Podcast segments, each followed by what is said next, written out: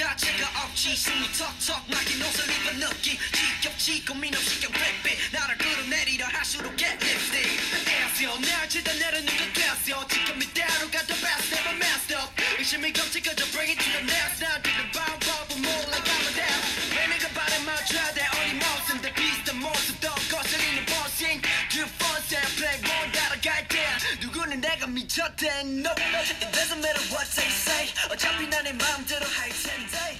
Halo halo semua, ketemu lagi di podcast Bila Yunida Pratiwi. Nah di sini saya bakal ngejelasin tentang kerajaan-kerajaan yang udah kalian tulis kemarin.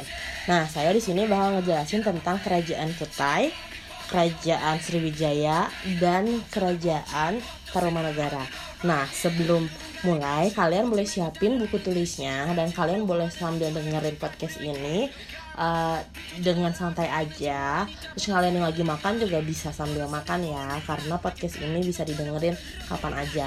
Nah sebelum kita mulai dan ataupun sebelum saya jelasin ini ada sebuah lagu dari Eh, uh, NCTU yang judulnya Misfit. Uh, eh, selamat mendengarkan.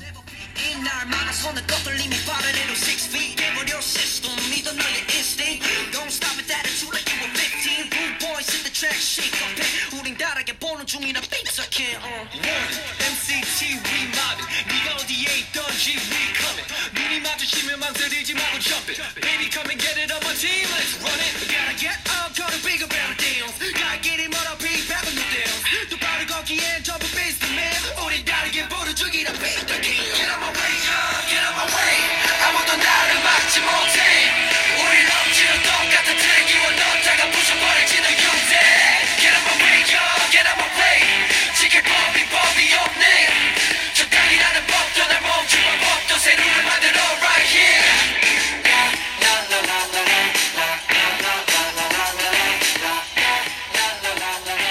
Nah, tadi kan udah tuh dengerin lagu dari NCTU yang judulnya Misfit. Nah, sekarang kita lanjut ke materi ya. Yang pertama bakal saya jelasin yaitu tentang kerajaan Kutai. Nah, kerajaan Kutai merupakan salah satu kerajaan Hindu tertua di Indonesia. Berdiri sekitar abad keempat.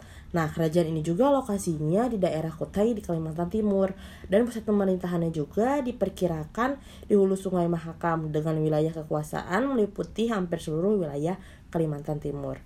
Nah, bukti arkeologis keberadaan kerajaan ini adalah temuan prasasti yang ditulis oleh eh, tujuh buah yupa ataupun tugu batu.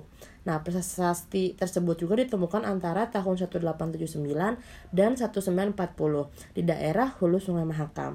Prasasti ini juga ditulis dengan huruf Palawa atau huruf yang banyak digunakan di wilayah India Selatan dan berbahasa Sanskerta. Sumber tentang kerajaan Kutai sangat terbatas, akan tetapi pada masa kerajaan Kutai juga mulai dikenal kebiasaan menulis di atas batu. Nah, hal ini berkelanjutan dari tradisi megalitik yang sudah ada uh, sebelum masuknya pengaruh Hindu, yaitu dalam bentuk menhir dan punden berundak. Nah, kerajaan Su- uh, kerajaan Kutai ataupun kerajaan ini itu adalah kerajaan Hindu pertama. Nah, berakhir saat Raja Kutai Maharaja Dharma Setia. Nah, eh, rajanya ini tewas di tangan Raja Kutai Kertanegara ke-13 Aji Pangeran Anum Panji mendapat kerajaan Islam.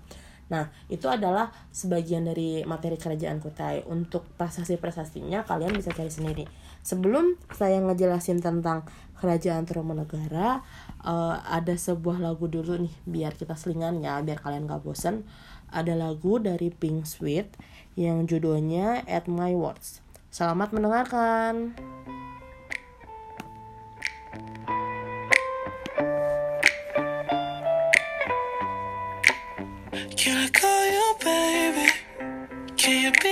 Can you be my lover up until the very end? Let me show you love. I don't pretend. Stick by my side even when the world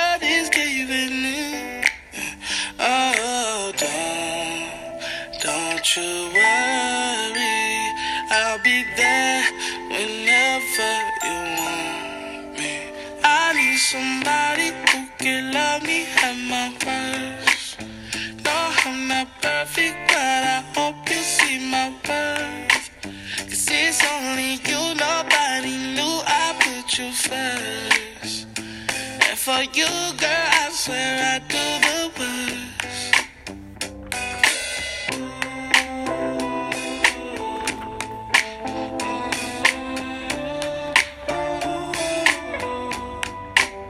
If you stay forever, let me hold your hand. I can feel those places in your heart no one else can. Let me show you love.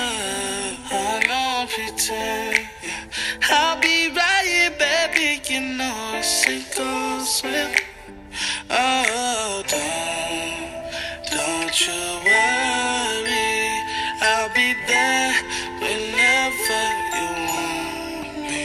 I need somebody to Nah, tadi udah denger kan lagu dari Pink Sweet yang berjudul At My World. Sekarang kita bakal lanjutin ke materi kedua yaitu tentang kerajaan Tarumanegara. Kerajaan Tarumanegara eh, diperkirakan ada sejak abad kelima sejaman dengan kerajaan Kutai. Nah, kerajaan Hindu tertua lainnya juga adalah ini yaitu kerajaan Tarumanegara. Nah, letak di wil letaknya ada di wilayah Jawa Barat. Eh, hal ini dibuktikan dengan adanya sejumlah prasasti di daerah sekitar Bogor, yaitu pada prasasti Ciaruten, kebun kopi, jambu, pasir awi, dan prasasti Muara Cianten. Prasasti Tugu di Cilinci, Jakarta Utara, dan prasasti Cidang Hiang di desa Lebak, Banten. Kata Taruma berasal dari kata tarum yang berarti nila, sampai sekarang nama ini juga masih sering dipakai, yaitu nama sungai yang bisa kita tahu yaitu Sungai Citarum. Nah, raja yang memerintah bernama Purnawarman. Sama dengan raja-raja di Kutai, Purnawarman adalah asli orang Indonesia yang menggunakan nama India dan memeluk Hindu. Gambaran kerajaan Tarumanegara ataupun kondisi sosial politik kerajaannya ini didapat melalui tinggalan prasasti prasasti. Nah, prasastinya itu tadi ada prasasti Ciaruten, prasasti kebun kopi, dan prasasti Tugu. Dari prasasti-prasasti tersebut juga dapat kita ketahui pada masa eh, di Jawa Barat terdapat sebuah kerajaan yang besar dan cukup makmur serta penduduknya hidup dari hasil pertanian. Eh, untuk akhirnya eh, kerajaan Tarumanegara yaitu Sri Maharaja Linggawarman eh, terpecah menjadi dua yaitu kerajaan Sunda yang merupakan kelanjutan dari kerajaan Tarumanegara. Di bawah kekuasaan menantunya bernama Tarusbawa dan kerajaan Galuh di bawah Ure- Ureti eh, Ure- Ureti Kandayun. Baik Sunda maupun Galuh sebelumnya merupakan kerajaan bawahan Tarumanegara. Oke, itu materi tentang kerajaan Tarumanegara. Ataupun kalau belum lengkap, kalian bisa lihat catatan yang udah saya kasih di PPT ataupun kalian bisa ekspor sendiri. Dan kalian kalau nggak ngerti, kalian bisa tanya ke saya. Nah, sekarang kita ke kerajaan terakhir yaitu kerajaan Sriwijaya. Sebelum kerajaan Sriwijaya, eh, biar lagi ada lagu terakhir untuk podcast ini yaitu ada sebuah lagu dari Amigdala yang judulnya Kukira Kau Rumah. Selamat mendengarkan.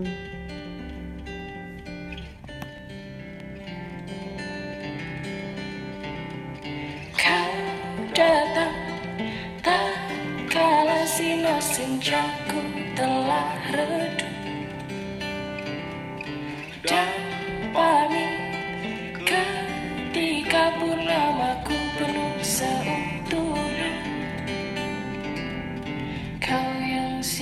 tapi tak sungguh.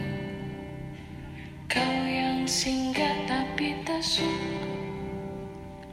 Ku kira kau rumah nyatanya kau cuma aku set dari tubuh seorang